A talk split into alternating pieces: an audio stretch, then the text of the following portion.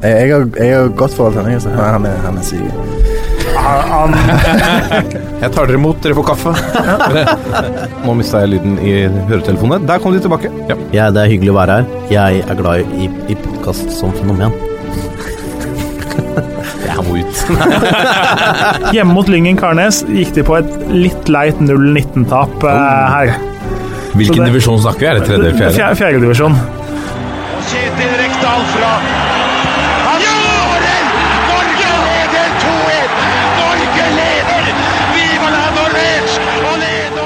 der er eh, toppfotball tilbake igjen, samlet på nytt for å prate om det aller beste vi veit, verdens beste idrett, som er norsk eh, fotball. Ved min side sitter mannen som ifølge Jonas Berg Johnsen aldri følger med eh, i studio i toppfotball. Eh, velkommen, eh, Jørgen Kjernås. Det er meg, det, da. Det er deg, ja. Ja. Uh, det vi la ut en eh, Vi, vi er jo uh, usedvanlig flinke på sosiale medier i, i denne redaksjonen. Eh, stor variasjon i hva vi legger ut på, på SoMe der. Så jeg la ut en, en video da fra, fra studio fra forrige sending. Eh, jeg filma litt rundt, og Håvard var tilbake, og det var god stemning. Og så kom jeg pano, pa, Hva heter det? Pan, Panorerte? panorerte rundt i studio. Så kom jeg til Jørgen Kjernås. Han sitter nedgravd på telefonen. eh, og har ikke øyekontakt med en kjeft. Og Da fikk jeg en melding fra Jonas Berg Johnsen som sa han, eh, han, Kjernås følger aldri med han. Ja, men det, følger med gjør man. Jeg Ja. får med absolutt alt. Du, lytter, du er en god lytter. Eh, Jeg bare har eh, Jeg vet ikke, passert 30 og er ferdig med å dø, holdt på å si. Sånn, ikke sånn veldig nært, men uh, man begynner jo å nærme seg halvveis i livet ganske snart. No offense til de som har full 40. Uh, Det var mørkt, altså. Nei da. Uh, glad i, holdt på å si, ikke glad i dødtid. Så da må man fylle den tida man ikke sitter og prater sjæl med et eller annet. Men Jeg jeg kan love, jeg får med faktisk absolutt hvert eneste ord. Jeg forsvarte det litt med at hvis du skal følge alle kamper fra femtedivisjon opp til Eliteserien og junior interkrets, så krever det jo at man dobbelt multitasker litt. Det er helt korrekt. Og det er klart, onsdager så er det mye kamper. Sånn som sist, så hadde vi jo eliteseriekamper da vi satt og spilte den her. Da, det var ikke bare jeg som tittet på en skjerm her eh, i studio da. Det Så Det er helt riktig. Det, ja, men at man kan tidvis se ufokusert ut, kan jeg innrømme. Men jeg kan love at det er eh, Ja. Jeg følger i hvert fall bedre med hvis jeg sitter med noe annet. Det, Din innside er alltid på jobb. ja, et eller annet sånt. Ja. det hørtes veldig Jeg vet ikke. rart Flott, ikke sant? Ja. Lasse Wangstein, eh, Hei. kom og ta over her. Eh, Samtalen begynte å gå i stå. Ja, nei, men det er greit. Jeg er, er her, jeg. Går det bra med deg? Det går bra. Ja. Går fisket om dagen? Er det liv i den tisleia? For det er din elv, ikke sant? Ja, ja, min barndomselv, i hvert fall. Ja, det er, jo, det er jo liv der, men det er jo August er en noe trå måned, i hvert fall de første ukene. Vi har nevnt for sjelden i denne podkasten at du er kommunikasjonsansvarlig for en elv. ja, det er sant. Det er eh, nydelig, faktisk. Ja. Drifter informasjonsside om elven Tisleia på Golsfjellet i Valdres. Ja, det er helt riktig. Men er du, får, får du slippe ut fisken når du fisker den? Ja, de største får som regel lov å svømme videre. Men de De tar du? største? De største. Men de små tar du opp? Ja, det hender det. Hva er logikken bak det? Fordi de små får plass i panna. Og stekt ørret er mye bedre enn stor kokt ørret. Ja, så det er rein praktiske årsaker Det bak er, det er også eh, fra et kultiveringsståsted. For å Tisleia var en elv som lenge var overbefolka. Dvs. Si at det var mye fisk, men liten fisk. Og som sportsfisker så er det ikke gøy å fiske på en ørret på 100 gram når du kan fange en på over kiloen. Ja. Så da ønsker du å ta ut litt småfisk, for de spiser av det samme matfatet som de store. Og sånn at fisken skal vokse fortere og bli større. Rett og slett. Mm. Men de små fiskene, er de bare små liksom, av størrelse, eller er de på en måte yngre enn Nei, de er, jo, de er jo yngre, men de tar av det samme matfatet. Så, Og da, hvis det blir litt trangt, da, så blir, da blir fisken slank og vokser saktere. Og har vi, Der har det gjort, blitt gjort noen regelendringer de siste årene på at uh, i enkelte soner så skal man slippe ut all fisk over 35 cm bl.a. Og vi ser at fisken blir tjukkere og i bedre hold. Altså en, en ørret skal være feit, ikke sånn som oss. Eh, Vi trenger ikke nødvendigvis, selv om vi kanskje er det noen av oss, være feite. men ørreten skal helst være trill rund. Er nesten- ja, Og da er den med god helse. Ja, men god helse. Da skal jeg huske det neste gang. Jeg trenger unnskyldning. At jeg egentlig er en ørret. Ja, nettopp. Mer om eh, dette i den nye podkasten Skittfiske med Lasse Wangstein, som slippes i 2021. Det finnes jo faktisk en podkast som heter Fisk og preik. Fisk og preik, ja. Den hører jeg på. Der bør du være gjest. Jeg har ikke vært det. Nei, det er en oppfordring. Vi skal gå videre med, med idrett. Norsk idrett, norsk fotball. Eh, I dagens eh, sending så skal vi selvfølgelig ha ukens tulipan og kaktus ved spaltens eh, president, Lasse Wangstein. Rundens øyeblikk. I Pulsen skal vi snakke om eh, Eurosport-eksperter som mener mye om eh, gamle klubber. Vi eh, nærmer oss et landslagsuttak. Vi skal synse om hvem vi ønsker oss med i den troppen. Eh, Molde starter eh, samarbeid for å bli hele Oslos eh, fotballklubb. Uh, Godset og Sarpsborg Lotte bytter uh, benkesliterspisser. Uh, Håkon Oppdal har jeg satt på mitt skjema her, etter innspill fra Team redaksjons... Oppdal. Uh, ti, innspill fra Team Oppdal, helt riktig. Og så har vi jo noen eh, overganger og litt rykter på tampen der. Og så skal vi ta en lengre debatt om bompengepartiet mot slutten av sendingen. Nei da, vi skal selvfølgelig ha Breddenytt ved Jørgen Kjærlås. Dette er toppfotball. Og da, Lasse Wangstein, har vi kommet til uh, ukens tulipan og kaktus. Uh, er det Skal det smelle? Nja, vi får se, da. Da spør jeg igjen panelet. Hvor, hvor begynner vi? Kjærlaas? Vi kan starte positivt, og så Avslutte som det dritt. Omvendt fra forrige uke. Den er grei. Uh, ukens tulipan går uh, Heter det Nordvestlandet i Kristiansund? Ja. Til Flamur Kastrati. Oh. Og da uh, skal jeg selge inn en annen podkast som heter Spillerådet, som Eurosport leverer. Det er fin. Han hadde i eh, ukens eh, episode en hyllest til norsk fotball og sendte ut ei lita vinge til kritikerne av norsk fotball. Eh, han avsluttet med å si at han fikk gåsehud av seg selv. Han er jo en herlig type, Flamur Kastrati. For denne eh, triaden hans, eh, den var helt nydelig. Eh, og han er veldig Han er jo inne på ting vi er glad i. hva som er bra med norsk fotball, og løfter det fram. Så jeg syns han fortjener en tulipan for, for det bidraget til å løfte norsk fotball et hakk eh, høyere opp på omdømmeskala. Herlig. Det er en nydelig type. Flamur Kastrati. Ja, veldig fin fyr. Signalspiller, har jeg hørt. Ja, det sies så. Mm. Litt usikker på. Men uh, nå er han jo skada, og noen andre sier jo at fotball er ferskvare, så Han er vel egentlig ikke så aktuell, da. Jeg tror de sier 'fotball er ferskvare'. Ja, jeg mulig. tror det er det de sier, faktisk. Ja, det var fin svensk. Mm. Ja. Kaktus. Kjør. Den går til uh, Ivan Nesberg i Vålerenga. Oh, ja. For den taklingen han satte inn på Niklas uh, Sandberg, er ikke Niklas han heter? Jo. Mot slutten av kampen mot Haugesund, den var stygg. Jeg tror jeg omtalte den som grisestygg på Twitter. Han bare sparker Sandberg rett ned uten en snev av sjanse til å ta ballen. Det er bare flaks og en dårlig dommer som gjør at den ikke blir utvist. Eh, og det er bare flaks at Sandberg ikke pådro seg en alvorlig skade. Eh, jeg vil ikke ha sånt på norske fotballbaner, og som Vålerenga-supporter vil jeg ikke se sånt av Vålerenga-spillere.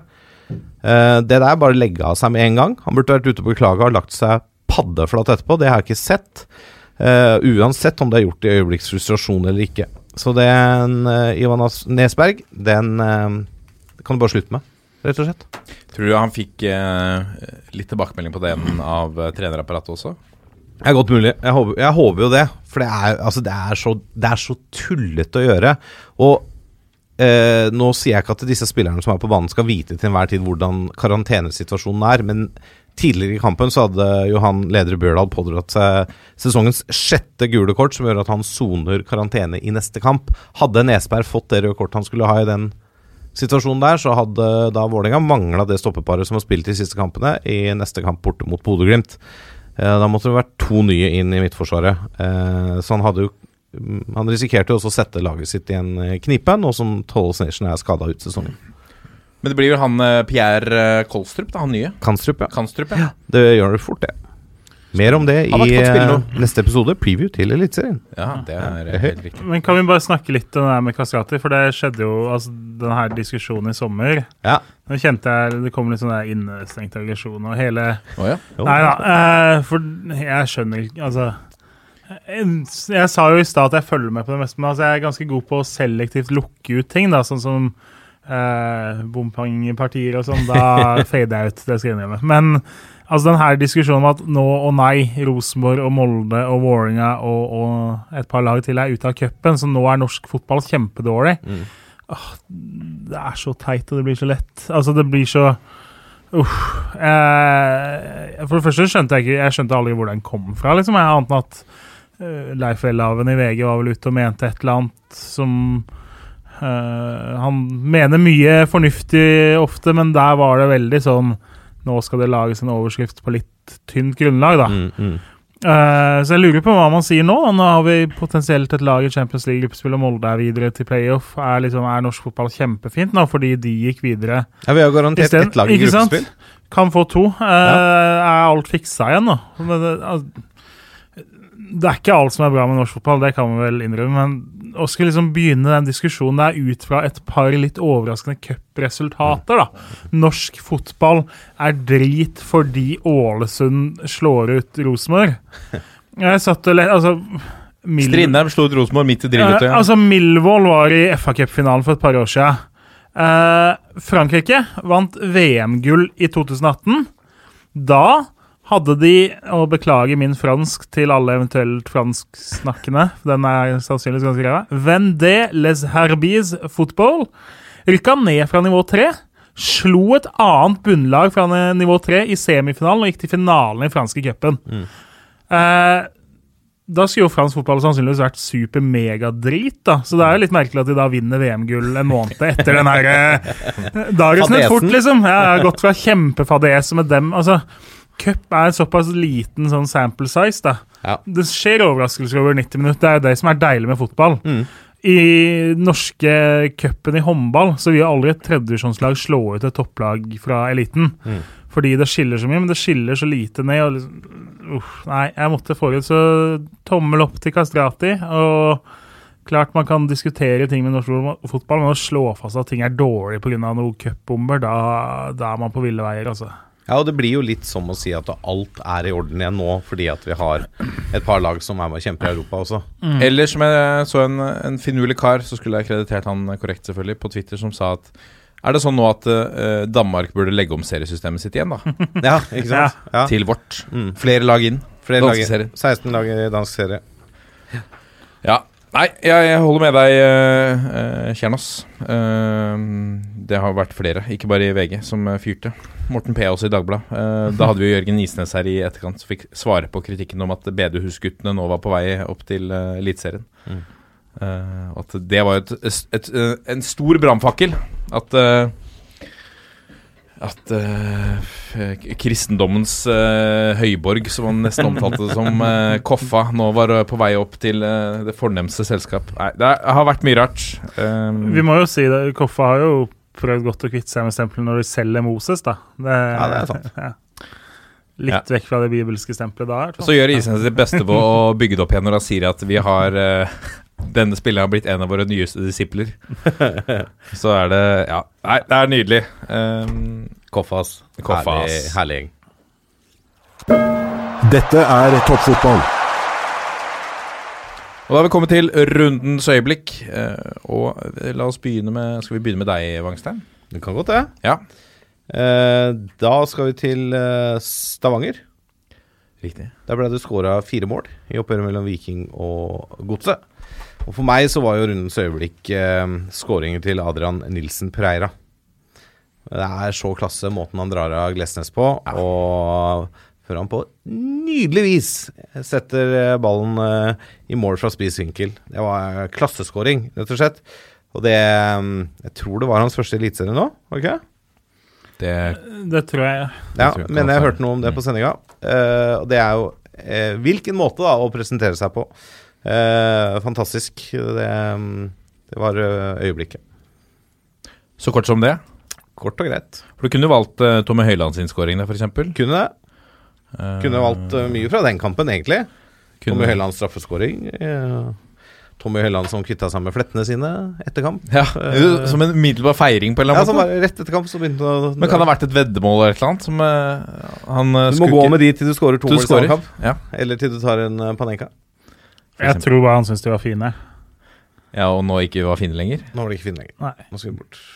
Ja, vi eh, skal snakke mer om Jeg skal snakke mer om Tommy Høiland etterpå. Ja, så gøy. Um, men vi, vi, eh, la oss, mens vi er inne på det, eh, Strømsgodset. Vi snakka jo en del om de i forrige uke, da Mm. Ja. Håvard var her. Eh, det som så ut til å være starten på en snuoperasjon i Drammen, eh, fikk jo et realt mageplask i, i Stavanger. Ja. Det ble gitt en, en grundig leksjon der borte. Mm. De gjorde det. Det er jo Er det tre steg tilbake nå? Ja. Altså, jeg tror det er den ustabiliteten som ligger litt der i det laget nå, som eh, viser seg. Jeg tror de hadde en såpass god opplevelse mot Glimt selv om de tapte. Og så klarte de å føre den over til Vålerenga-kampen og få et resultat ut av det. Det kan ha vært litt sånn der eh, energitappen også. Det kan ha vært litt sånn derre åh, endelig. Og så tror du kanskje at du er litt bedre enn du er, og så er det så små marginer som skal til før det bikker feil vei. ikke sant? Det er den straffa. 1-0. Så kommer du på hæla, og så er, kan det godt hende hvis Vålerenga hadde klart å score først, ikke sant, at uh, det hadde vært nok til at de hadde klart å slå dem i Drammen, da. Ja. Uh, så det, det er, det er skjørt da, når du har tapt så mye kamper som du har gjort i år. Og nå er det jo nå er det fem poeng opp til kvalik og sikker plass. Eh, så det er jo De har jo en jobb å gjøre i Drammen. De har vunnet tre av 18 kamper og spilt uavgjort i fire og tapt 11. De, de, de skal snu mye, mange steiner før de beholder plassen i år, men um, Nei, nei, jeg vet ikke. Det, Men hva er det man pleier å si? At 35 poeng er nok til sikker plass? 30-ish, kanskje? 32? Ja. Men altså for godset, det var De hadde midtukekamp, så litt slitne ut ut av det. Eller Ja. rett og slett mangla litt det ekstra overskuddet. Og så litt at den formasjons lille justeringa de hadde der, så litt mer sånn diamant Mm. 4-4-2-variant nå i Stavanger. Det var jo mer en form for 4-3-3 mot Vålerenga, hvor Tokstad lå lenger ut til høyre, og Moss Ja. og Mava på en måte fulgte ut angrepet. Så litt sånn småkombinasjoner av det, og at Viking da rett og slett spilte litt med overskudd og energi og utnytta de romma de fikk. da. For det, Ja, ja. Selv om Godset har sett bedre ut mot Vålerenga og mot Bodø-Glimt, og selv om de tapte den, så har de jo vært lette å angripe på. Mm. Det er jo først og fremst det offensive som har vært forskjellen nå, eh, for dem. Men, men at det ble gitt bort mye rom, det har de gjort hele tida. ja. Eh, så Viking var ekstra god på å utnytte det i tillegg, da. Helt klart. Et gledelig resultat, i hvert fall, for eh, Stavanger-publikummet. Hva har Ja, altså, eh, de har jo kommet seg ut fra det som så ut som kunne bli skikkelig nedrykksstrid igjen. Har de jo slått Sarpsborg og Godset og sørga for å på en måte befeste de godt ned på nedrykksplassene. Eh, hadde Viking stått igjen med null eller ett poeng i de kampene, så hadde de vært for fullt i nedrykksstriden. Nå kan ikke ta det rolig, men i hvert fall det ser veldig mye lysere ut enn for en uke siden. da. Ja. Hva har du plukket ut av Mr. Kjernås? Denne gangen var det ganske lett. Eh, vi må til Hønefoss. Ja, Eh, selvfølgelig. det går ikke an å kalle det toppkamp, men sånn med Hønefoss-øyne så var det jo toppkamp fordi de møtte serieleder Finnsnes, Ja. som ligger ti poeng foran. Og skulle man ha et ordentlig håp om å faktisk kunne kappe innpå, så burde man ha seier. Eh, det ble et langt øyeblikk, da, men altså, Remon Mendy er jo tilbake. Skårte 1-0-målet på corner. Og så kommer han med en grusom takling. Han får ballen for langt foran seg, så da fullfører en sånn strak takling. Får rødt kort da etter 35 minutter. Hønefoss forsvarer seg holder ut, da, men så blir jo da Erblin eh, Lulaku eh, utvist med ti minutter igjen. Og han da Det har vært en litt tøff kamp. Litt sånn sure miner fra begge lag og dårlig stemning. Han blir revet og holdt og slitt i som en som spiss der. eh, og tenner da til å sparke mot leggen på en motspiller, så da eh, mister litt hodet der. Og klart ni mot elleve. Så ser det ut som det skal gå, da, men så skårer jo da Eh, først utligner Finnsnes eh, til 1-1, og så slår de ballen i mål til eh, 2-1. Eller han, han treffer den med hånda. Det er ikke sånn der, det er ikke Maradona. Men det er Ganske litt- klar hens. det er, det er ikke noe tvil om hvilken kroppsdel han bruker at eh, det skulle vært annullert. Så da ser det jo liksom ut som alt skal forsvinne, da. Men så blir jo da broren, eh, tvillingbroren til tomålsskåreren utvist. Frispark til Hønefoss litt ut på sida, helt ute ved sidelinja, 35 meter fra mål. Alle mann opp, inkludert da keeper Andreas Wedeler. Så litt klabb og bam, så havner ballen da mot bakerste stolpe, og han da bare ut av intet kommer skliende inn og sklitakler den ballen i åpent mål. da.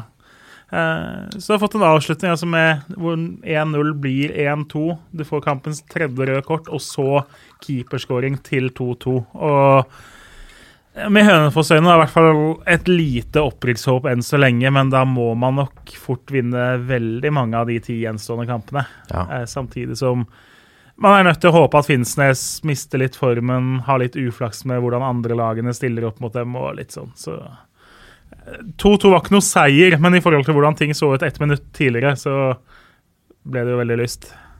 Ja, og virkelig jubelscener, eh, og det er kjempegøy. Det er noe eget med keepermål. Det er jo ikke så ofte vi får de. Eh, og så er det jo det er jo en viss logikk i det. Altså, de har ingenting å tape på 1-2 der. Om det kommer 1-3, hva har det å si? Eh, og han er jo en høyvokst type. Altså, ofte så er jo keeperen en av de beste duellspillerne du har potensielt, fordi keepere er ofte storvokste og kraftige og sterke. Og de er vant til å hoppe opp og Og mange av dem er jo altså, mange av dem er litt gærne òg. Det er jo derfor de er keepere. Eh, så det er jo ofte en keeper er topp tre-fire av måte, duellspillere du kunne tenke deg å ha i motstanderens boks. Ja. Hadde det ikke vært for at han nettopp har den Og så spesielle skaper rollen. Jeg syns ofte det skaper litt sånn usikkerhet og Ja, litt kaos, Ja, liksom. altså er de, de er jo ikke helt vant til hvordan de skal bevege seg. Så det er nesten sånn De er som litt sånn høstsiden høstsinna veps. Eh, som virer rundt og bare skal lage faenskap. Liksom, nå veit jeg at de skal dø. Nå har de ikke noe eh, De har ikke noen sånne arbeidsoppgaver eh, som må utføres. Så de bare piler rundt. Mens alle andre er litt sånn har vært gjennom det her med dødballtreneren, at du skal gå i rom én, og du skal bevege deg bak flikken. Ikke sant? Man er sånn programmert inn til hva man skal gjøre på en corner. da. Mm. Eh, keeperne har jo ikke det, så det, det er en joker i feltet, rett og slett. Ja. Vi fikk en henvendelse på Twitter, en, en streng beskjed fra eh, fra en mann jeg kjenner svært godt, Patrick Pata Bjerkskau i, eh, i Horten, som da ba meg innstendig om å, om å minne eh, minne redaksjonen på eh, en av de beste og mest avgjørende skåringene av en keeper i Norge noensinne. Ja, Helge Fjell. Helge Fjell, ja. avdøde Helge Fjell, Ørn Horten-legenden. Mot, over, eh, mot Vålerenga. mot Vålerenga på overtid i førstedivisjon i 2001. Skåret vinnermålet fem mål. Fem minutter på overtid. Mottar trampeklapp fra Vålerenga-klanen. Da var Reka så jævlig forbanna. Ja, han var forbanna, ja. Ja, for det, det Vålerenga hadde jo sikra opp, opprykket allerede. Ja, ja. Men han syntes det var liksom Nei, ja, det, det likte han ikke. Ja, nei, De skulle feire opprykk med en seier. Ja. Så, Han satte jo seg sjæl i midtforsvaret. Han blei jo eh, Han var ikke best i den matchen. Nei, Han fikk jo blant annet en uh, av lagkameratene sine, da, for han var jo spillende trener. Ja. Så han fikk vel en parkeringsbot i en cupkamp oppe på Vestlandet en gang, eh, husker jeg. Fordi han ble løpt fra noen andredivisjonsspillere. Ja, for Han kjørte noen kamper på stopper og sånn. han Ja. Tenkte at det var liksom eh, veien å gå. Ja. Ja, men uansett, Helge Fjell, for å runde av keeperhyllisten uh, av de som scorer, det er, det er noe helt eget. Um, vi Jeg skal ta et, eh, et øyeblikk selv. Um, jeg, var på, jeg var på jobb på, på match. eh, skrev litt i kampen mellom Vålinga og Haugesund. Den var jo tidvis ganske kjedelig i første gang. Ikke sånn kjempevelspilt. Og så i andre gang så Vålinga får en, en scoring helt i starten der. Eh, men i andre gang så trekker altså Niklas Sandberg opp et kunststykke av lomma, hvor han eh, får ballen på høyrekanten. eh, ser at eh, Sam Adekugbe kommer løpende. Vipper ballen bare arrogant og elegant, lekent over canadieren. eh, går inn i feltet. Ser litt ut, ut, ut som han skal slå inn. Køler ballen i motsatt kryss med venstre. Eh, en, en nydelig scoring. En av rundens eh, beste, vil jeg si. Kanskje slått av Tommy Høiland eh, sin. Den Adrian Pereira også var veldig, veldig bra. Jeg spurte, jeg snakka med Niklas Sandberg etter, etter kampen. Han eh, spurte han om ikke det var rundens Rundens peneste, og da sa han han hadde ikke sett de andre, men han gikk ut fra det. At det var det. Ja. Jostein Grindhaug for øvrig mente jo at det var jo et, eh, et, eh, Innlegg. et innlegg, ja. Ja. Mm. Feilslått innlegg. Dårlig innlegg, Ja. var vel det han sa. Det var flere som påpekte det. Men Niklas, grunnen til at jeg drar eh, han frem også, var at han dro kjennelsen på, på undertegnedes stemme. Han sa at Men kan det stemme at du er han fra toppfotball? Nei, Ja. Oi, er det er sant? ja. Det er Han er fast lytter. Oi, oi, oi. Eller han lytter i hvert fall. Det sa han. Ja. Hyggelig. Hei til deg, Niklas. Hei, Niklas. Der fikk du, en, der fikk du rundens øyeblikk.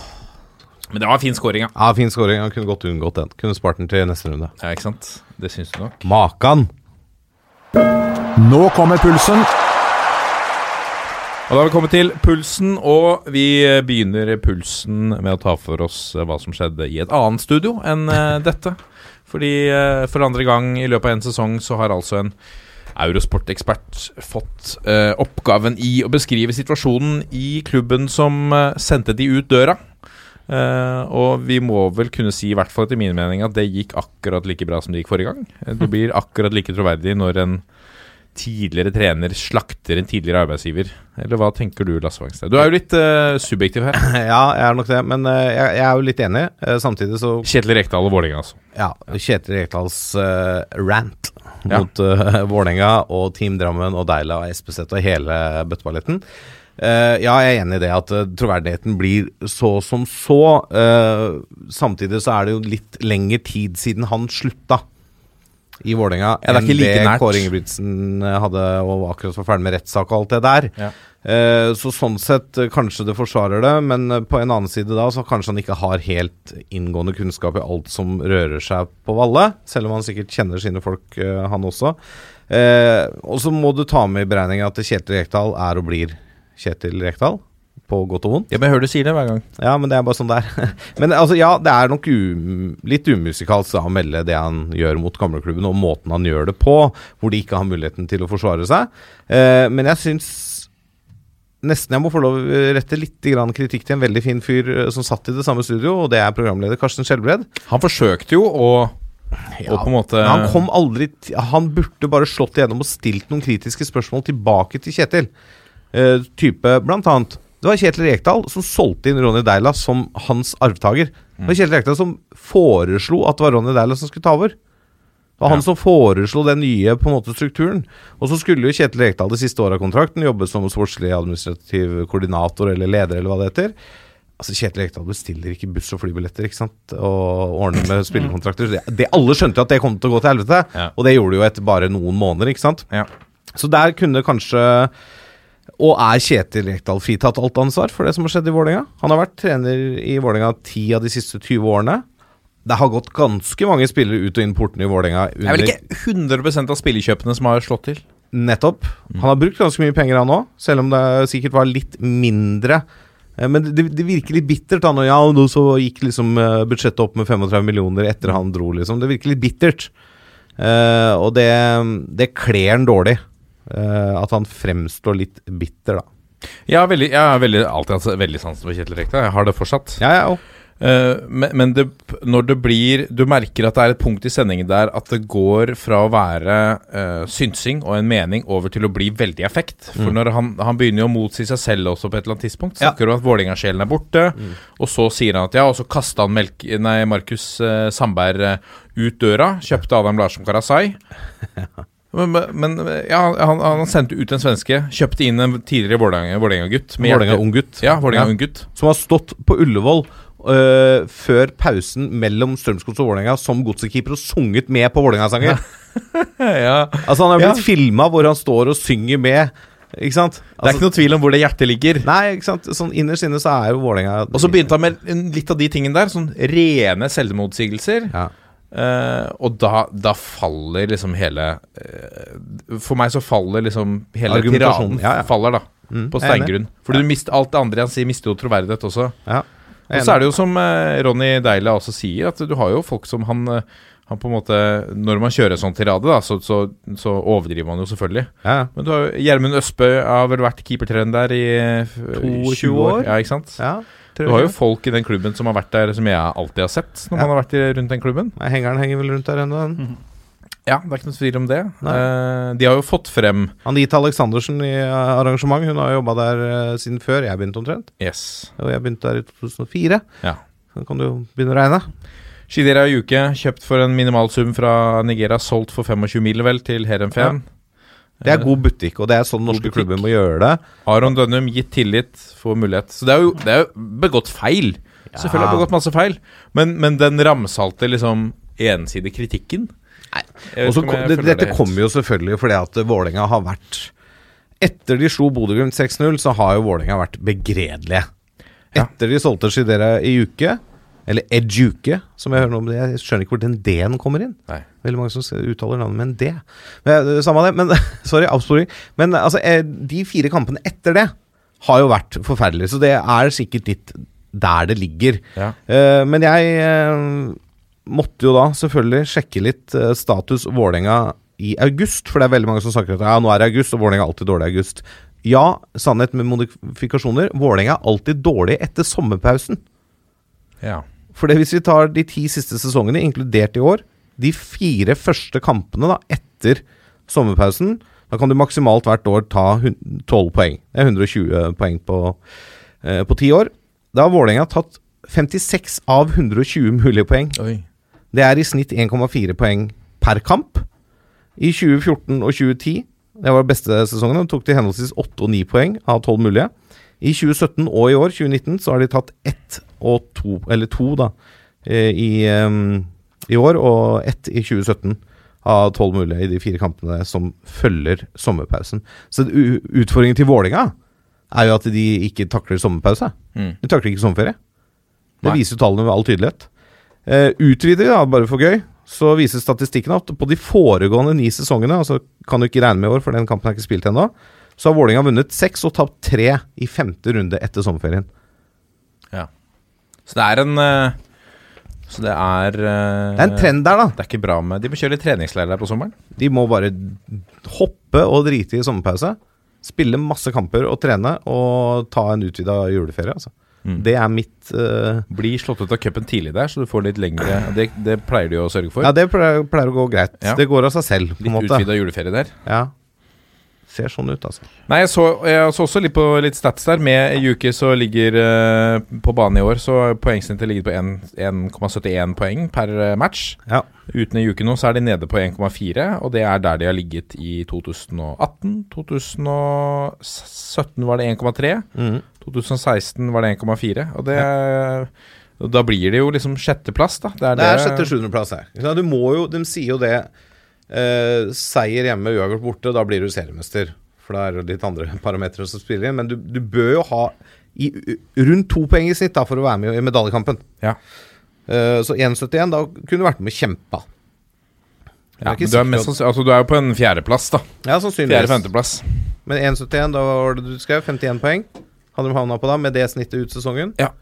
Og nå ligger de an til 43, med 1,4 i snitt. Det er riktig. Ja. Det er jo noen poeng, det. Mm. Medaljen eh, de siste årene har ligget på 1,8, 1,9. Men forskjellen på fjerdeplass og syvendeplass er ikke 25 millioner i premiepenger. Nei. Men eh, så må du også ta med regnestykket. Engasjement, antall folk på stadion, Ja, ja, virkelig. alle de tingene der. Eh, det er noe med å spare seg til fant. Men ei uke hadde du ikke holdt på uansett i det vinduet her, sånn som han har holdt på i vår. Nei.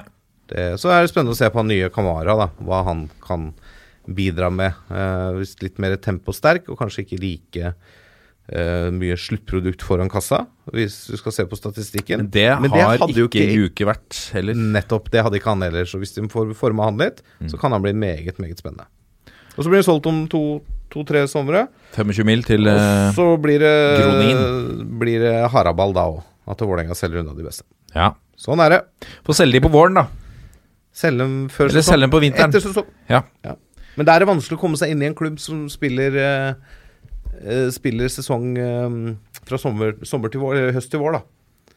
For det er vanskelig å komme seg inn Det er bedre å komme på sommersesongen når de har oppkjøring til ny sesong, enn å komme midt i smørja, ikke sant. Ja, det er sant. Ja. Vi går videre til eh, hele Oslos uh, Molde, som nå uh, inngått et samarbeid med Lyn om spillerekruttering og, og utvikling eh, begge veier. Hva, hvilke tanker gjør dere, dere om det nye samarbeidet?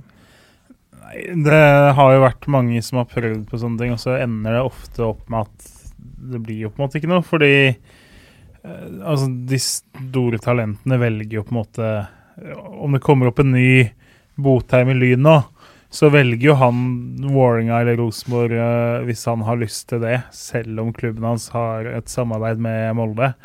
Så hvor mye verdi det har, det er jeg veldig usikker på.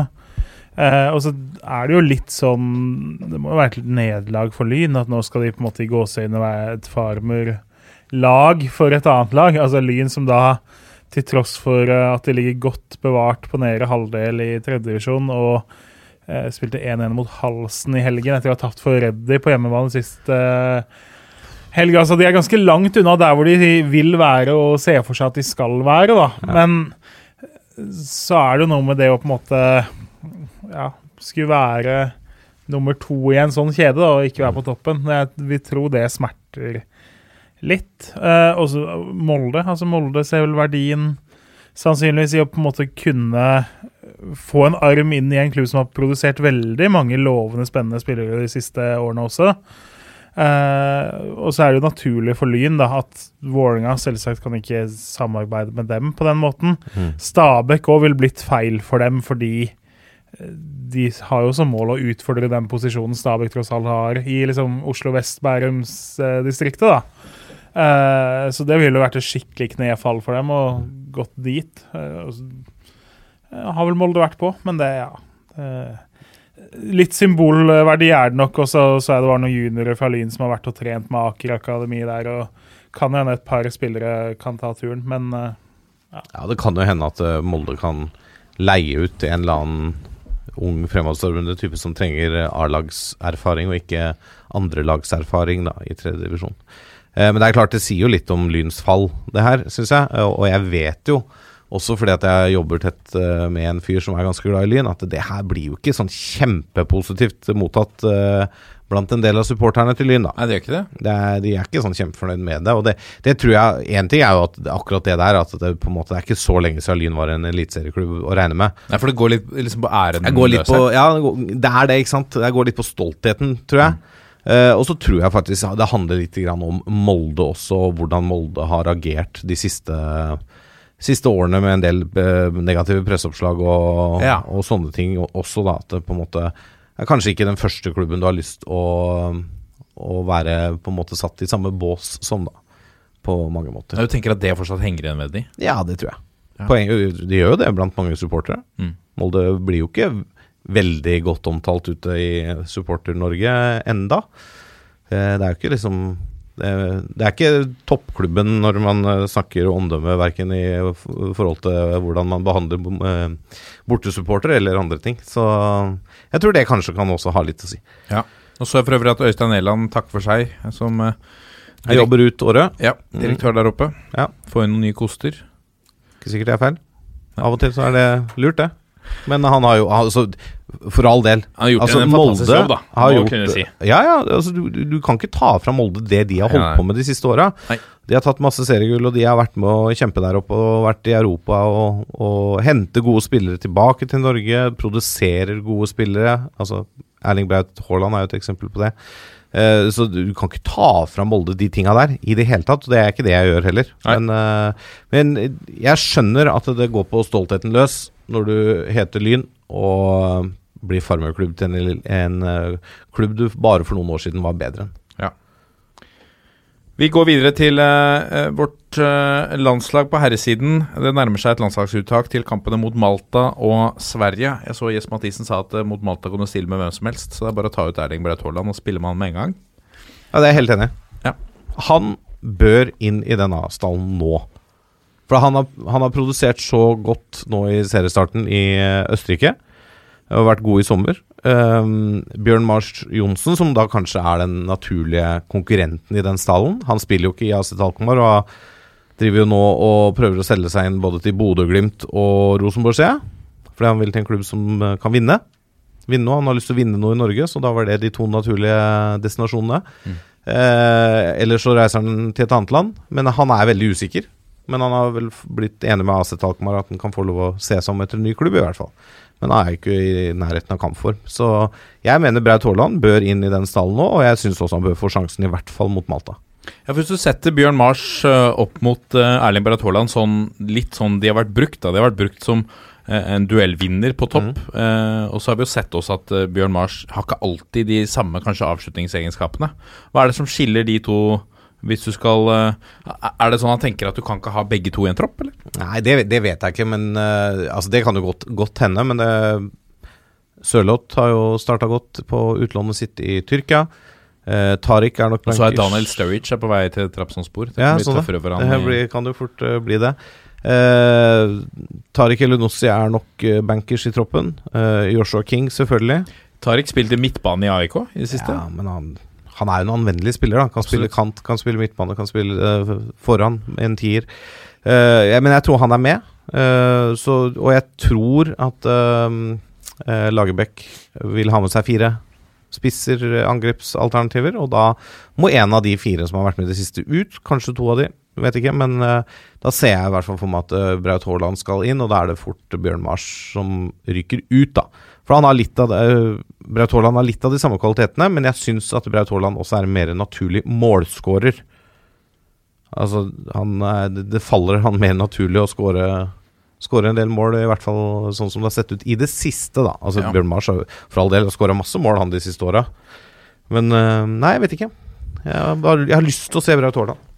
Altså, det er jo litt sånn som med Martin Ødegaard har vært òg, at eh, arg- Et argument mot er jo at U21 skal starte sin kvalik samtidig.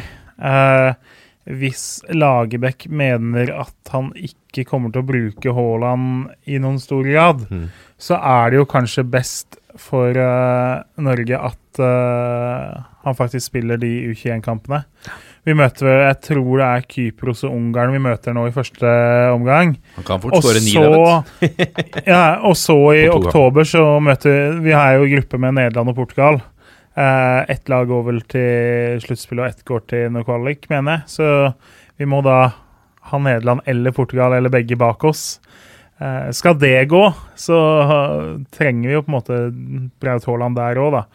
Eh, så blir jo en avveiing der. Men at gutten er god nok til å spille på A-landslaget, er det ikke noe tvil om. Eh, men så ser vi jo da, nettopp det fordi at han kan brukes på et annet landslag, så kan det hende de prioriterer annerledes. Men hvor Ja, men hvor eh, Hvor kynisk er Altså, jeg opplever Lars Lagerbäck som eh, Helt enig, jeg følger argumentet der. Hvis, hvis er Hvis han mest sannsynlig ikke får spille, skal være med for å lære i troppen og sånn, så kan heller spille på U21 og få kamptrening.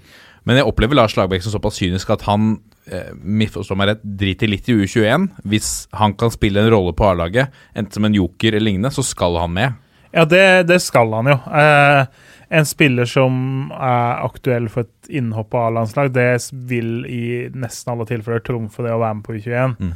Eh, så lenge det er håp for A-landslaget. Og så, må det være. Og så kommer jo det da at uh, man må tenke Magnus Carlsen-aktig, man må tenke mer enn ett trekk fram òg. Mm. Det er ikke bare kampen i september, det er jo også å få Haaland inn i en spillergruppe, inn i Lagerbäcks forventninger på alle mulige måter. Uh, fordi hvis han fortsetter sånn som han holder på nå, så er han jo mer enn aktuell for å spille i her Nations League. Sluttspillet vi regner med vi må spille til våren, da. Eh, Så du mener det er et godt argument for at han skal inn nå? ja, fordi at han, han er jo framtida. Han skal jo spille på det landslaget i uh, et tiår framover. ja. Eh, og kan vise seg å bli en viktig brikke da i svært avgjørende kamper for å nå EM 2020. Mm. Uh, så jeg tror de lander på at han er med. Uh, og nettopp da, og fordi at både Sørloth og Mars eh, da ikke har liksom de beste korta på bordet akkurat nå, da med tanke på spilletid og form. Hva med bakover på, på banen? Altså, øh, vi får jo sikkert hylekoret nå til fordel for Magnus Wolff Eikrem, som jo det ikke er vanskelig å si seg enig i i det hele tatt. Måten han har herja på i årets eliteserie.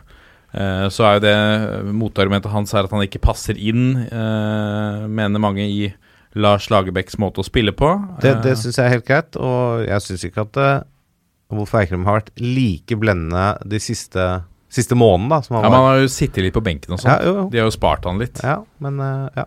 Nei, men jeg, jeg, jeg tror ikke Wolf Eikrem blir tatt ut. Anders Konradsen, Han kan fort være mer aktuell. Mm. Uh, han syns har vært meget god i det siste. Så det, han kan fort være en mer aktuell spillertype. Jeg tror han passer bedre som type også, da, i Lagerbäcks uh, tanker. Men uh, det er jo vanskelig å si. Uh, altså, vi vet jo av erfaring at uh, Lagerbäck kommer jo ikke til å dra fire overraskelser opp av hatten og gjøre masse endringer. Han har grunnstammen sin, han, i den Det er skader og eventuelle suspensjoner som gjør at folk ikke blir med. Hvis ikke de har slutta å spille fotball helt. Ikke sant? Altså Mo- Moi Elionussi Det er ikke sikkert at ja, jeg, jeg tror fortsatt han blir tatt ut, da, men han bør nok finne seg et sted å spille fotball snart. Du Hvis Du så det på han på landslaget sist. ja, han var ikke- ikke den samme spilleren. Det er er sant? mange som er bedre enn han akkurat nå. Ja, det er det, ikke sant. Du har jo blant annet på den høyre kanten, da, så har du jo en eh, 20-åring som eh, spiller i eh, La Liga, som kan bekle den med bravur, ikke sant. Så det Uh, så er, jeg tror ikke det blir så mye endringer bakover der heller. Altså Jeg tror fortsatt Selnes blir henta over igjen fra Asia, ikke sant. Uh, jeg tror ikke Kamara er med. Uh, Kamara må inn og skåre litt. Vår kjære toppfotballen uh, Ja. bortpå der. Tilbake, i de, tilbake i MLS, som han har herja før. Ayer er selvfølgelig med. Uh, eh, og det er nok helt sikkert Nordtveit også, for han vil ha de lange innkastene. ikke sant? Og da har du jo fort stoppeparet der, og Rostedt på benken. Eh, nei, jeg tror ikke det blir så mye endringer. En joker er jo Mathias eh, Nordmann, som har eh, Ja. Etablert seg eh, for topplag i Russland. Og spiller bra, visstnok, på eh, midtbanen der. Så kom, i den grad man kan si at det kan komme en overraskelse som ikke heter Braut Haaland, så kan det være Mathias Nordmann. Men jeg, det er mange alternativer sentralt, da, så jeg tror jo ikke det. Men eh, det er i hvert fall et navn som er i diskusjonen. da. Hvor god er den uh, russiske ligaen? Det Topplaget har jo mye godt å vise til ute i Europa. Altså, det er ikke noe tvil om at det er en liga som eh, ligger der på, altså på nivå to i Europa bak de fire, fem, seks eh, største ligaene. Så ligger de jo tett opp mot der. Eh, så når du spiller for et av de beste lagene i den serien, eh, så eh, vil du automatisk være interessant for det norske landslaget. da. Jeg er faktisk eh, Europas ranka av Uefa som Europas sjette beste liga. Ja, ikke rett bak Frankrike og, og, og Tyskland. Nei, eh, godt stykke bak Tyskland, rett bak Frankrike. Seks lag i europacuper. Eh, det lar seg høre, det. Ehm, det blir spennende. Fasit kommer eh, Det er vel vel en uke til. eh, det innkalles til pressekonferanse eh, på Ullevål stadion. Er tirsdag, kanskje? Det kan være. Eh, videre til eh, et eh, spillebytte eh, mellom eh, klubber. Mellom eh, klubbers benker. Moussa Abdullawes og eh, og Lars Jørgen Lars Jørgen Salvesen. Har byttet klubb. Eh, litt overraskende variant, eller? Eh, ja. jeg vet ikke hva som er mest overraskende. At Godset vil ha Salvesen, eller at de ikke vil ha Moss. Kan jeg si det på den måten? Ja, jeg følger deg litt på den. Ja, for det eh, Jeg syns ikke at Salvesen er bedre enn Moss. Det er jo nummer én. Eh, nå har Moss vært litt eh, av og på i år, han òg. Slitt med litt småskader og sånne ting. Men gikk av skada i midtukekampen eh, og spilte fra start igjen for Sarpsborg med en gang han bytta klubb. Eh, her ser jeg noen har reagert på. Eh, men em, jeg, jeg tror Kanskje det var en clinch der med Henrik Pedersen. ja, jeg vet ikke. Jeg, jeg tror Sarpsborg kommer styrk, styrka ut av det. Jeg mener Sarpsborg får inn en bedre spiller enn den de kvitter seg med. Ja. De får inn en spiller som kan starte hver kamp. Ja, Men det er klart, Moses Mava har um, vist seg fram i godset. Eh, Det kan hende at Pedersen tenker at det er den typen spiller jeg vil ha foran der. Og så er Salvesen en bra mann å sette inn hvis du skal vinne litt dødballer og ha en fin fot og, og de tinga der, da. For meg så minner det nesten litt om et litt sånn harmonibytte. At eh, for å bevare harmonien i troppen Nå har uh, Jeg tror ikke Moss er en fyr som skaper dårlig harmoni. Altså. Nei, men du kan, du kan jo forstå uh, gutten nå. da. Nå har han spilt andrefiolin omtrent hele tiden med Ja. Markus Pedersen i førersetet her. Så måtte en skade og en bytur til for, for at han fikk sjansen. Mm. Og så fikk han pokker meg nye sjanser også. Han ble vraka igjen etter at etter at det var litt utenomsportslig med, med Pedersen, så, Ja. så kan nok hende at liksom, tålmodigheten er slutt. Og når han i tillegg da starter på benken, og nysigneringen fra førstedivisjon går foran i køen, Ja at det er det som har skjedd. Helt, helt klart. eh, Det kan, det kan godt hende at han har fått signaler om at uh, du er ikke helt den spissen jeg ser for meg Nei. i dette godselaget. Der mener jeg Henrik Pedersen gjør en stor tabbe. Ja, jeg tror eh, fort Moss kan være forskjellen på en del skåringer, da. Ja. Hvis du får Moss ordentlig i draget. Og, det, og han er jo en spiller som også er flink til å være førsteforsvarer, i, være oppe i presset der. Eh, kakke borti noen forsvarere, ikke sant. Jage ball. Han er, det er jo en av styrkene til Moss, i tillegg til at han er en fantastisk målskårer. Har skåra år etter år. Eh, Bra med mål. Vålerenga brukte han på kant, funka ikke. Eh, sendte han til Tromsø, ble brukt der han skal spille. Toppskårer, spiss. Mm. Tillit Mm. over tid. Gikk til godset, null tillit. Da, da lykkes det jo ikke sånn kjempebra. Skåra en haug med mål der likevel. Skåra masse i Ålesund. Får tillit i, hos Geir Bakke nå? Ja. Det, kan, det kan fort Ja. uh, være nøkkelen for Jeg tror dette er en, en, en bedre uh, overgangsbytte for Sarpsborg enn Godset. Verdt å sånn hylle. Berntsen og Bakke for denne signeringen. Ja, vi får se da, når uh, sesongen er over. For det er jo klart Nå har vel Godset henta åtte nye spillere i sommer, og Sarpsborg sju. Det nærmer seg, og, det er jo det nivået Sarpsborg har ligget på i hvert vindu nå. Det er veldig gjennomtrekk i Sarpsborg nå. Det blir ikke noen kontinuitet. Jeg vet ikke hvor mye vi skal hylle det i lengden. Ja, de har truffet på en del signeringer. Det er en del bra spillere der som de også har fått solgt videre med god fortjeneste, og alt det der. Men eh, sånn som de har drevet og røra i år, så er det jo Det er jo ikke kjempe Det Er to seier og ni uavgjort i har? Men det er fascinerende hvordan noen klubber altså eh, Av naturlige årsaker så blir f.eks. Vålerenga alltid i søkelyset pga. hovedstadsklubb. Mm. Men, men når du ser liksom gjennomtrekken, folk som kjøper inn 10-11 spillere nesten i hvert vindu Ja. eh, Men det er klart eh, Det er jo lavere krav da til, til en, eh, en klubb som historisk skal være lillebror i Østfold. Ja, Det er mulig. Det er mulig, det. Mm, mm. Eh, Team Oppdal står det her på pulsen. Hva har du å melde? Dette gleder jeg meg til å høre på. Ja, nei, vi, vi to, Martin, hadde jo en diskusjon om dette før, uh, før sesongstart, som du jo valgte å blåse ekstremt opp og trykke opp noen T-skjorter og forsøke å skape skikkelig sånn her splid. Skulle tro det var en sånn Game of Thrones-avlegger, nesten. Her var det oss mot dem. og Du kan banne på Det hadde blitt mye fokus her hvis uh, Holmen Johansen hadde stått i mål. Det er nettopp det. Så jeg tenkte jo nå at når uh, Holmen Johansen Altså, eh, vi sitter jo og mener mye og bommer av og til, vi òg, så klart. Sånn som alle andre som mener noe om fotball. Men akkurat på det at eh, Holmen Johansen ikke var noe godt Brann-kjøp, det der våger jeg jo å påstå at man traff, da. Ja, jeg mener fortsatt at det er, det er fortsatt en, et stykke igjen av sesongen, så det kan jo skje ting her.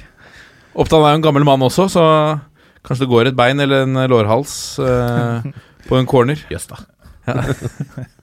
En lårhals på Ja, ja, ja det veit aldri. Nei, Men, eh, Opprinnelig her var vel at uh, noen mente at Håkon Oppdal uh, Jeg var av den oppfatning at signeringen av Håkon, Håkon Oppdal til Brann var av uh, hva skal vi si, sjarmerende og historiske liksom, årsaker. Tilbake, Venner tilbake, kanskje ta en jobb der i, i sportslig apparat etter hvert. Mens at det var Holmen Jansen som selvsagt var, en, var keeperen. Han var tatt ut i landslagstroppen, og, og så har jo Han starter jo ikke sesongen sånn kjempebra, Holmen Johansen. Nei, han gjorde ikke det. Eh, sånn var jo Jeg begynte å bli lei av for snaps der av det. Og skåringer imot. Jeg, jeg koste meg jo litt da han var ute og svømte i lufta der i Skien i første runde og sånn. Jeg gjorde jo det. det Nei, vi må opp nå. Team, team Holmen Johansen, vi er nede nå, Ja. men vi kommer tilbake. Vi må bare få tillit over tid. Så skal du se at vi, vi skal klare å heve oss. Eh, det er litt eh, overganger som er eh, klare. Eh, eh, Haugesund har signert en eh, ny keeper, Oskar Snorre. Ja, det høres, navn, da, høres jo ut som uh, Man fikk jo sånn der uh, Snorre-sagaen og tenkte at kanskje nå blir det skrevet noen historiske bøker og sånt, men det er jo fordi han er Gostomski. Kom jo til Haugesund og trodde han skulle være førstekeeper, men det han mislyktes jo ganske brutalt i et par treningskamper tett opp mot seriestart, sånn at uh, Sandvik fikk den uh, rollen isteden og har blitt stående. Han har vært bra, han. ja, han har vært uh, over all forventning. Så det er jo fordi de da må ha inn en nummer to, først og fremst, regner jeg med. Klart å hente en 20-åring som ikke spiller fast for Lyngby, det høres jo ikke ut som en som skal ta fra Sandvik plassen, men heller komme litt nærmere laget enn det han kanskje er i Danmark. Da. Og så ryktes det om eh, eh, at eh, Partisan sin 25-årige spiss, Partisan som møter Molde denne uka, at han er på vei til Rosenborg. Ja, Ognjen Osegovic. Ja. Eh, blankt eh, kort for min del, men eh, klart, hvis Rosenborg henter fra det markedet, da, så er det jo da garantert en spiller de har vært og titta ganske grundig på. Eh, det er jo ikke noe sånn hastverksarbeid da, selv om det lakk jo ut mye sånn snåle ting når det begynte å komme disse Aasbakk-ryktene og sånn på deadline day. liksom At det var på det nivået man la lista. Men eh, at Rosenborg er på spissjakt, er jo ingen hemmelighet. Fordi til tross for at Botheim skåra hat trick mot eh, Tromsø, så vil de ha en spiss som kan utfordre, eller helst gå over Søderlund i den spissrangeringa. Eh, det er der lista ligger hvis du skal være et Champions League-lag. For du mener det holder ikke med Søderlund? Nei, ikke hvis du skal ha noe i Champions Men har de ikke, har, har de ikke danske med både erfaring fra Premier League og Bundesliga? Nei, nei, ikke kom, ikke kom med de greiene der. Han er ferdig, han. han er ferdig. Men altså, skal du Skal Rosenborg legge lista der eh, Det er jo ikke noe vits å hente en spiss som man ikke kan ta opp den kampen med Søderlund. Nei. Eh, Søderlund er ikke noen ung fotballspiller heller. Så eh, hvis man legger lista på en som er litt inn og ut av laget i Partisan, så blir jeg litt overraska. Jeg trodde at nå når Rosenborg er sikra gruppespill og sikra en fin eh, bunke med kroner fra Uefa for det, så blir jeg overraska hvis de ikke legger en god del av de pengene på bordet for en spiss de er ganske trygge på at kan forsterke laget fra dag én. Ja. Lorden skal ha sluttpakke, vet du. Så der, der går det jo litt penger. Ja da, men altså Ikke hvis han sitter ute i kontrakt. Ja, det er sant. ja, Han har jo lønn, Skal han ha lønn, men altså, Ja, det ligger like mye. Nå dukker det jo potensielt opp 250 millioner fra et Champions League-gruppespill. Kommer godt med. Det, det kunne jo de fleste klubber takket ja til. Men uh, som sagt, jeg tror, jeg tror en ordentlig god spiss ligger høyt på lista uansett hvilke gruppespill det blir i høst. Bjørn Marstad, har du tro på at han kan være La oss si Rosenborg går til CL, da. At, uh, kan det være en mann som stanger de uh, Stanger de til, til noen poeng, i hvert fall? Er han, vel, er han veldig, veldig mye bedre enn uh, Søderlund? I en 4-3-3? Han er mye bedre på huet, og Sødlund er bra på huet. Ja, altså sånn Etter norsk målestokk så er det en strålende signering. Men hvis du kommer til et Champions League-gruppespill, så åpner det så utrolig mange dører som ellers vil være lukka, da. Eh, så det vil være rart hvis ikke Rosenborg da åpner mulighet for å hente noen fra ja, altså samme si, distrikt som han partisanspissen er fra, eller fra Sør-Amerika, eller fra hakket større klubber og hakket større ligaer enn det de ellers nå kan hente fra. da. Eh, fortell en spiss at hei, du får spille seks kamper i Champions League, en av dem er på no kamp uh, potensielt, eller ikke sant? De kommer jo til å få et kjempestort europeisk lag, kanskje to. Mm. Du har mulighet til å spille mot PSG og Manchester City. altså Fortell en spiss det, eller du kan gå til Kypros, liksom. altså Men når det stenger vinduet, er det 8. september? Om en ukes tid. 31. august stenger det. Ja, ikke sant. Så eh, nesten Altså eh, neste onsdag, neste tirsdag, så vet vi om Rosenborg kommer til Champions League eller ikke. Da har de da tre dager, tre-fire dager på å hente inn en eh, europeisk toppspiss. Det kan hende at de har såpass is i magen da, at de venter til de vet uh, hva, Hva står på konto. ja, hva som står på konto. Mm. Eller hva som kommer inn på konto i løpet av kort tid. For en sånn spiss kan jo Hva er det du får for en seier i Champions League? Det er fort 10 millioner kroner. Er det ikke det? Jeg mener hun fikk nesten 10 millioner for ett poeng, ja, at det er 25 eller et eller annet for seier. Så Da har du fort tjent inn en spiss. ja da. Du har det. Si at du tar fire poeng, da, så er du oppe i liksom 35 mill. eller et eller annet bare for det. Det er, eh, det er ryddig. Og så må vi jo nevne at um, det er en trønder som har skifta klubb i dag. Ja. Mushaga Bakenga ja. har gått på lån til Ranheim. Har da kontrakt i Tromsø ut sesongen, så det er vel ikke så veldig mye som tyder på at han eh, ender opp i Tromsø fra 1.1 igjen. Nei. Eh, men han skal i hvert fall spille resten av sesongen i Ranheim, da. Det, det er en Det er så det som jeg er glad. Jeg ble glad for den signeringa til Ranheim. Ja, det er hyggelig. Det er perfekt. Trønder inn der. Og... Ja men, ja, men ikke sant. Han eh, kjempe, Kjempesympatisk fyr. Eh, kul Jeg syns det er en kul fotballspiller som ikke har fått det til å funke helt etter at han gikk fra ja, ikke, Han har ikke fått det til å funke etter at han gikk fra Rosenborg første gangen. Uh, hatt motgang, ute i kulda nå. Mm. Uh, komme tilbake, trygge omgivelser. Bra apparat rundt Ranheim der, flinke folk.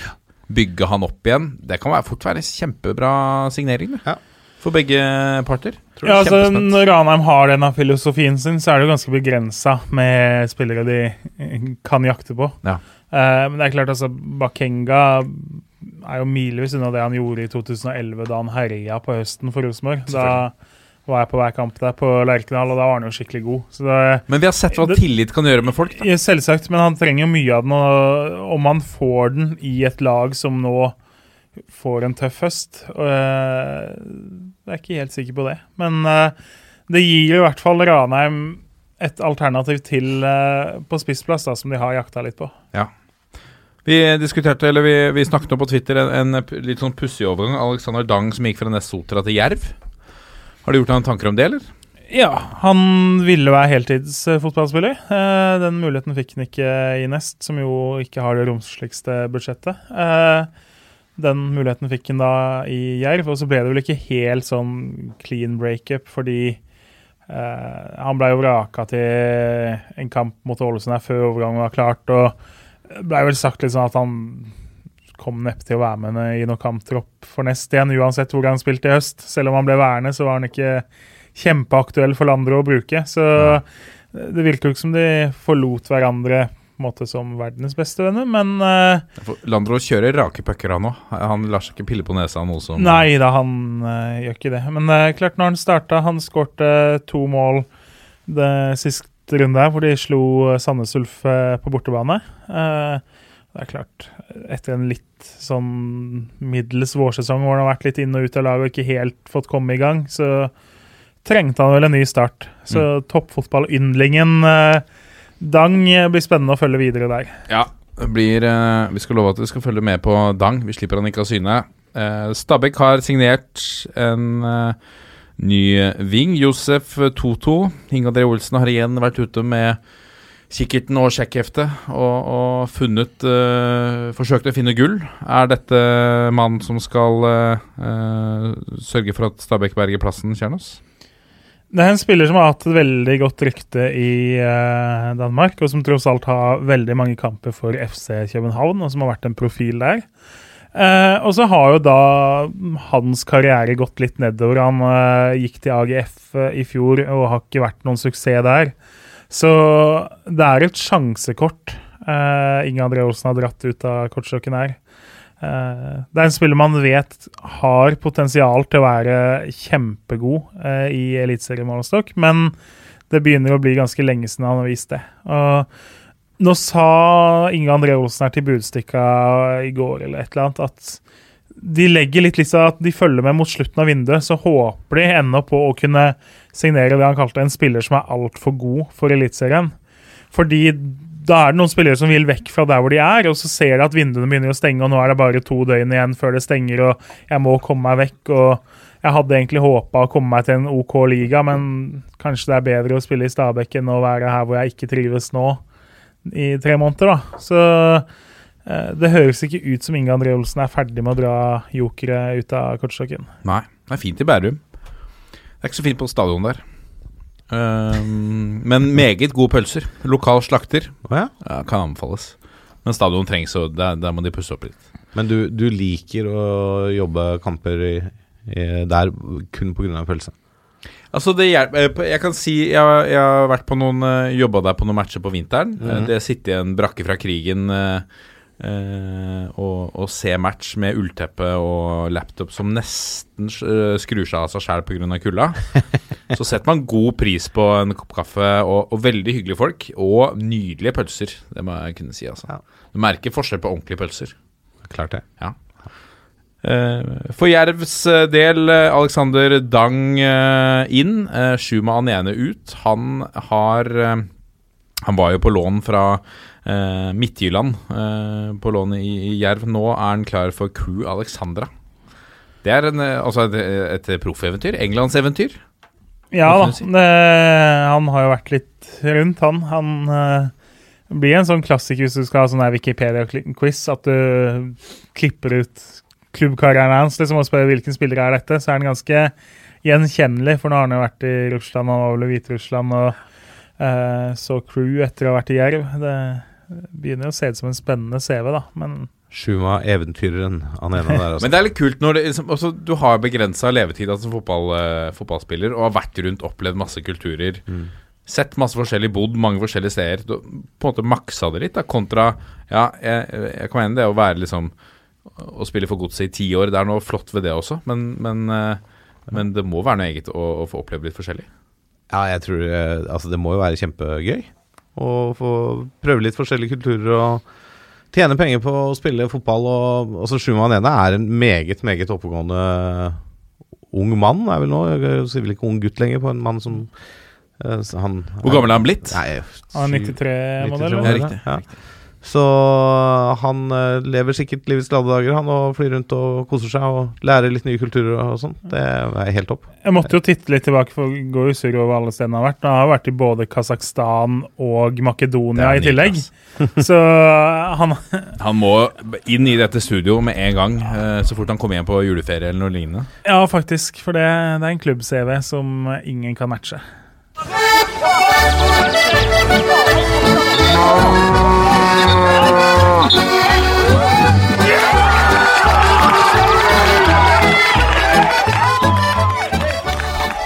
Jeg blir glad av å, av å høre på det. Det, er, en- det må sies å være en lystbetont jingle, dette. Ja. Jeg blir glad. Jeg blir glad, jeg. jeg blir glad selv. veldig blid, altså. Her er det Breddenytt med spaltens president, Jørgen Kjølås.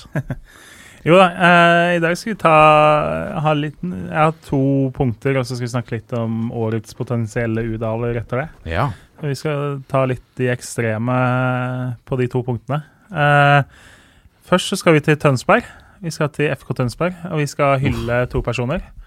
Eh, FK Tønsberg har jo ikke blitt helt det man håpa på. De har jo vaka rundt i tredjedivisjon lenge nå. Eh, det føles veldig lenge ut siden de var i førstedivisjon.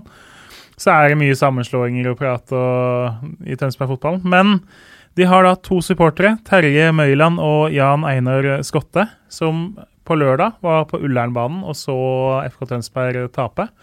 Det var deres hundrede bortekamp på rad med FK Tønsberg. Det er stort. Eh, ja, fortjener en applaus. Eh, de har vært i nord og sør og øst og vest og si, regn og vind og snø og sol og alt mulig. Det, det er rett og slett dødsimponerende. Eh, Da er du ivrig, ass. ja, eh, sannsynligvis fått oppleve mange steder der på ingen skulle tro at noen kunne spille tredjevisjonsfotball osv. Eh, ja, rett og slett en bragd som er imponerende. Eh, Ja, det må vi kunne si. Også for en sånn klubb også. Da skal du ha litt ekstra tålmodighet. ja, disse Vestfold-klubbene er, jo det. Bare ræl. Eh, så tenkte jeg vi skulle Punkt to. Da skal vi til fjerdedivisjon. Uh, oppe i indre Østland, og nærmere bestemt Kongsvinger-regionen. Uh, lokaloppgjøret kan vi vel kalle det Flisa mot Eidskog. Det er jo ikke så altfor langt unna hverandre, i hvert fall. Prestisjeoppgjøret. Litt prestisje ligger det nok eh, der. Eh, Eidskog har jo en klart bedre sesong enn Flisa så langt, selv om Flisa har vært oppe i tredjedivisjon og kjempa i toppen for ikke så lenge siden. Men så kommer jo da lokaloppgjøret, og så tenker jeg så er du back på Eidskog. Så tenker jeg at Flisa har fem poeng på tolv matcher og sliter med å skåre mål. Dette blir en behagelig dag på jobben. Eh, selv om jeg potensielt kanskje er en litt temposvak back. Og så ser du da begynner å høre at Flisa de har fått seg en ny kantspiller. Så lurer du på hvem faen er, det- hvem er det Flisa har dytta ut på kanten i dag. Jeg håper han ikke er kjapp. Så er det jo da Jonathan Kvarko, som altså er Norges desidert raskeste mann og norgesmester på 100 og 200 meter, som eh, da stiller på som startstreken her. Eh, den er tung når du ser for deg kanskje en litt grei dag på jobben, eh, og så møter da en fyr som har løpt 10-23 eller et eller annet på 100 meter. Spill på Jonathan, gutta! Du skjønner i hvert fall gameplanen til Flisa i en sånn kamp, da. Og de vant 2-0. Uh, Kvarko skårte ikke, men 2-0 er nå 2-0. Han er sist. Usikker. Usikker. Han åpna i hvert fall det forsvaret, vil jeg tro. Vi tror han ikke var gøy å spille mot. Det er tung. Så det var dagens to punkter. Så må vi jo da begynne å snakke om årets Udal, da. Ja. Eh, og da har vi eh, For min del så er det to stykker i tredjedivisjon som skiller seg ganske mye ut. Eh, vi må nevne Ricky Alba, selv om Ja. Han har vært i Obos-ligaen og vært i Vålerenga og spilt Mm. med flagget på brystet på mange aldersbestemte landslag. Han har altså skåra 24 mål for Lørenskog så langt i tredjevisjon. Ricky Tunga Salva. Det er 24 mål er det veldig få spillere som klarer i løpet av en sesong. Mm. Eh, du finner ikke mange av dem. Eh, og han har altså passert det allerede i løpet av 16 kamper som han har spilt. da. Eh, og så har han i tillegg da skåra to mål i cupen, så han har faktisk 26 mål så langt denne sesongen. Imponerende. Men når, kom, når eh, kommer han høyere opp? Tilbake? ja, det blir jo spennende å se. Nå var det jo altså Romerikes Blad hadde jo saker man åpenbart som de man jo må når man har en sånn storskåler og tross alt dekker lokalfotballen godt. Mm. Eh, og da var han jo litt sånn på at han, han vil jo ikke noe sted hvor, hvor det ikke er bruk for han på en måte. Så han vil jo i så fall til en klubb eh, som har planer om å gi han spilletid. Eh, men det er klart, han har vist fine ting på nivå to tidligere. Og når han da har funnet igjen seg selv etter mye litt sånn mislykka klubbopphold eh, før han kom til Lørenskog, da, så definitivt en mann som eh, som nok er på blokka hos jeg, alle i andredivisjon og de fleste i Obos-ligaen, skulle man tro. Tror du han sto på blokka til Jørgen Isnes? Ja, det gjør han garantert, men eh, så er det jo sånn er det Kan man ta større fiskere opp, på en måte, på kroken? Men det at alle østlandsklubba vurderer det, det er det jo ikke noe tvil om. Mm. Uh, en annen som er veldig åpenbar i uh, tredjedivisjon, det er eh, Joakim Holtan. Uh, noen av oss tippa jo Mandalskameratene ganske Levna dem veldig få sjanser. De har jo etter en litt sånn uh, uvøren start, så virkelig skutt fart. Og godeste Holtan står med 19 mål så langt for et nyopprykka lag. Eh, og det er litt spesielle, han var På jo hvor mange kamper? på 16 matcher. Ja, ikke sant. 19 på 16, det er greit. Ja. Det er greit, også. Og han har jo da den historien at han var jo i start han, som junior. Ble brukt som back etter hvert, da. Eh, Så han spilte da ti kamper for Start 2 i 2017, men mye back, mye benk. Eh, mista litt den der eh, at fotball var kjempegøy, så han gikk til Torridal i femtedivisjon. Eh, så for ett års tid siden så var han med da eh, Innleda sesongen med fire ni-tap mot Vindbjart 3. 1-6-tap mot Giv Akt. Eh, han skårte ett av målene sine mot Tigerberget. Som altså blei starta Det var jo Start supporterklubb, Ja, ja. som da starta et eget lag. Som er, altså, han var med Han scora mot dem. Liksom, det var på det nivået spilte han for ett år siden. Spilte mot support, spilte litt sånn supporter. Ja, det har vel blitt litt sånn løsrevet fra supporteren, tror jeg nå, men likevel, da. Du, du spiller mot Tigerberg og taper 1-6 for å gi vakt. Det lukter jo liksom ikke eh, å skulle leve av fotballen. Eh, etter, så kom han jo da til Mandalskameratene, skårte tolv mål på veldig få kamper i høst og skøyt dem opp. Eh, og så har han da bare fortsatt nå. Eh, skårte jo da tre mål mot Start 2, han skårte fire mot Vindbjart. Eh, Skårte to da de slo Viking 2. Viking ble dødsimponert og har jo invitert ham på trening eh, nå. Så får vi se om han dukker opp på treningsfeltet der snart. For en Eh, reise. er vel 20 år blitt, mener jeg. Det kunne vi jo google. Men altså, ung og har da den ja, Så han skal ha en veldig dårlig høst for å ikke bli nevnt også når vi skal telle ordentlig opp. Når du skårer ni mål på én mesterskapskamp på landslagsnivå, Ja. er du da med i årets Udal-kåringa? Eller blir det litt Ikke hvis du spiller i, eh, i Og. Molde og er proff, og nå spiller i østerriksk eliteserie og er snart toppskårer der.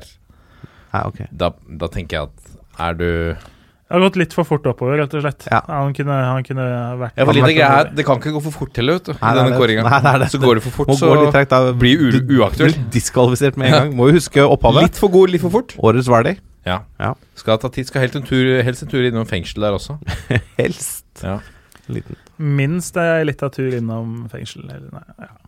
ikke, noe, ikke noe oppfordring til de vi snakker til om Absolutt nå, altså. Men Selv om prisen Eh, henger høyt. Ja da. Uh, Titta litt på fjerdedivisjon. Der har vi én avdeling og en tidligere spissduo som utmerker seg ekstremt. Fordi vi skal til Buskerud.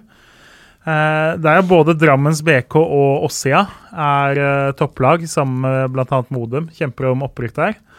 Uh, I fjor så spilte Andreas Mortensen Andersen sammen med Vemund Eskevik på topp for uh. Eh, Andreas har så langt notert seg for helt anstendige 26 serieskåringer, i tillegg til at han da har skåra tre cupmål. Eh, så klart 26 mål. Han skårte tre i toppkamp mot Modum eh, nå sist. Han skårte fire mot Birkebeineren. Skårte hat trick mot Kongsberg, annet. Skårte fire mot Steinberg i 10-0-seier. Så 26 mål er jo Jeg tror han er tredd høyest av alle i fjerdedivisjon opp med det. Eh, imponerende. Og så er da Kim Brenna er da nest høyest med sine 30. Han spiller i Fuvo, eh, men begynner å bli en ringrev, da. Så han er på en måte litt sånn ute av kampen med Tanga. Han har vært og snust opp i de høyere divisjonene. Har vel egentlig funnet ut at eh, tredje-fjerde divisjon det, det blir liksom ikke noe høyere på tampen av karrieren for han. Okay. Så selv om han har noe syke måltall de siste sesongene, så passer han liksom ikke helt inn når vi skal finne en som kan komme oppover i divisjonene. da. Nei, skjønner. Men tilbake til Andreas. Han er jo da som sagt bare nummer tre, og Kim Brenner nummer to. For på førsteplass så langt over mestskårende i Norges fem øverste divisjoner er Vemund Eskevik, som er fra Haugesundsområdet. Flytta til Drammensområdet, og så hadde han litt middels sesong i tredjedivisjon i fjor. Han skårte fire mål i tredjedivisjon i fjor for et lag som fikk det tøft. Bytta fra Ossia til Drammens BK. Eh, og har da på 15 seriekamper skåra anstendige 35 mål. så Oi, oi. Oh, shit! Over to i snitt. Ja da. altså. Han skårte tre mål mot Steinberg i 12-2-seier i starten. Skårte fem av seks mål mot Solberg. Skårte fire mål mot eh, Kongsberg. Eh, fem mot Birkebeineren. Og så skårte han fem mot uh, Steinberg da de vant 16-0 i returoppgjøret der. Eh, og 3-0 mot Huringen eh, nå nylig. Så klart, han er et par og 20 år gammel. Har eh, altså skåra da hva blir det? 2,33 mål i snitt per seriekamp så langt. Vemund Eskevik. Eh, han Er Merk dere navnet. Hørte det først i toppfotball. Vemund Eskevik. Skårer to i snitt, han. Hvem henter han? Blir det FK Haugesund, eller blir det Godset? Kanskje Ja, altså- Godset hvis de rykker ned? nå, er, nå aner jeg ikke hva han, hvorfor han flytta fra Haugesund til Drammensområdet. Det må vi, kan Har han agenter? Trenger han agent? Vi kan være agenter. Rådgivere. Ja. Jeg har råd. Jeg har Eh, ikke agentlisens. Klart han har, han Trenger ikke lisens lenger. Ja. Stemmer det. Har jo en fortid bl.a. da i uh, Vard, så han har jo spilt uh, andrevisjonsfotball tidligere. Mm. Uh, spilte eh, ganske mye der for dem i 2016. Uh, skulle Vard rykke opp igjen, så vil jeg jo tro at de eh, i hvert fall tar en telefon eller en Facebook-melding til uh, Vemund og hører hva slags planer han har for kommende sesong. Halla-VM-en ser du har begynt å skåre litt mål. Mm. Keen på å komme hjem. Kim på apparat. Ja. Ta kaffe. Prate. Og sånn blunke-smiley. Ja. Vemund Eskevik, ja. Det skal, jeg, det skal jeg notere meg, faktisk. Notere den. Eh, så det er, og så er det jo. Det er jo litt gøy med den der uh, duellen nå, da. At tross alt fjorårets spisspar uh, Nå kjemper. Ja, de kjemper jo faktisk da Selv om man har fått et forsprang i striden her, så er det Det skiller ganske mye fra bunn til topp. Det hørte jo altså Mm. 12-2 og 16-0 og 10-0 osv. Ja. Eh, og de to lagene kjemper jo også om eh, opprykket nå.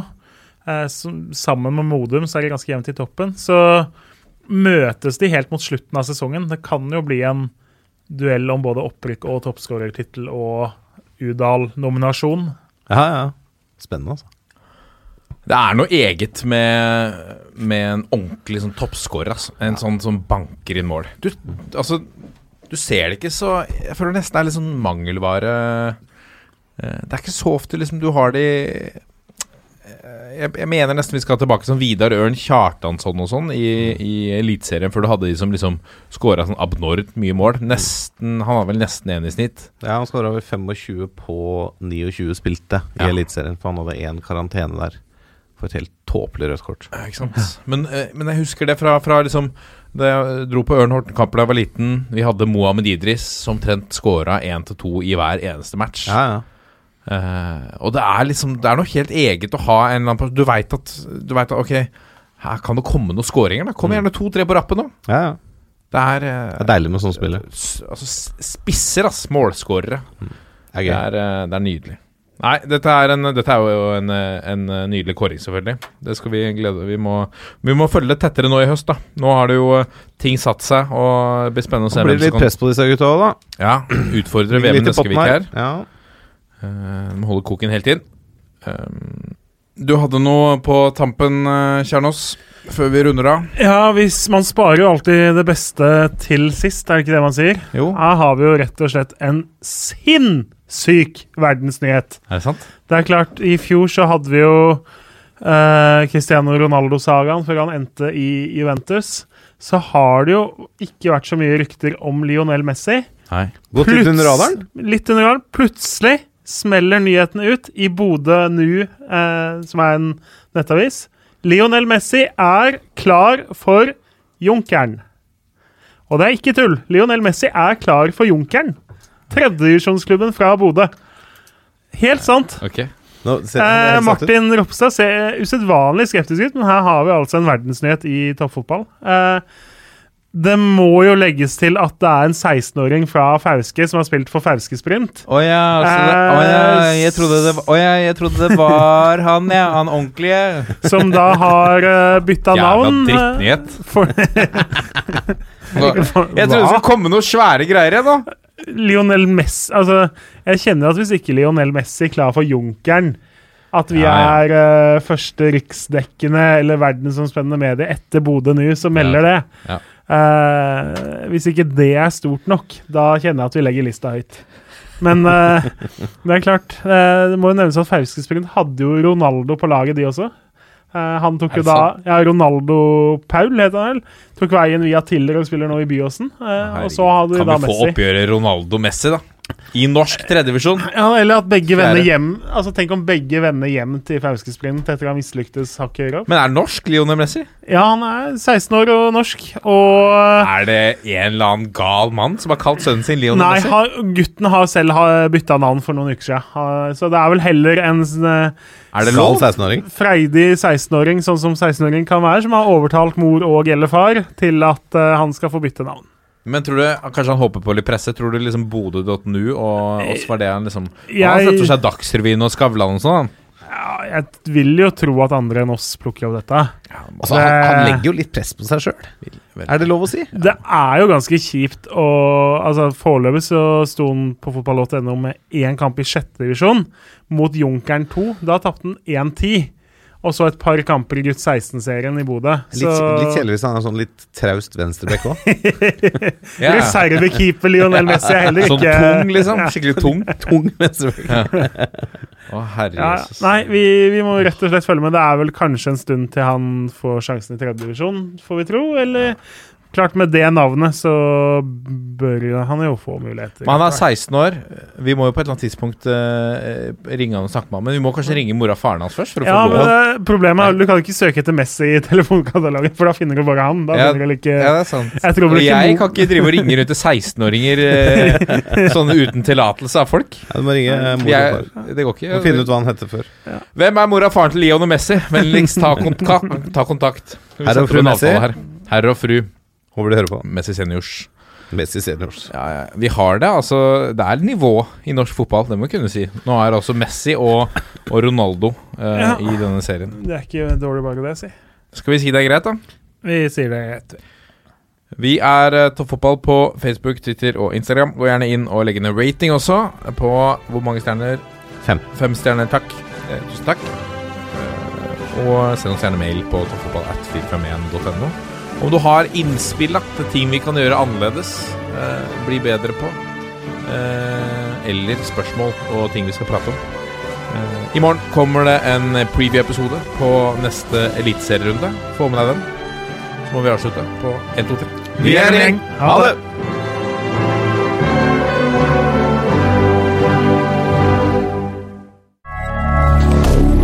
Moderne media.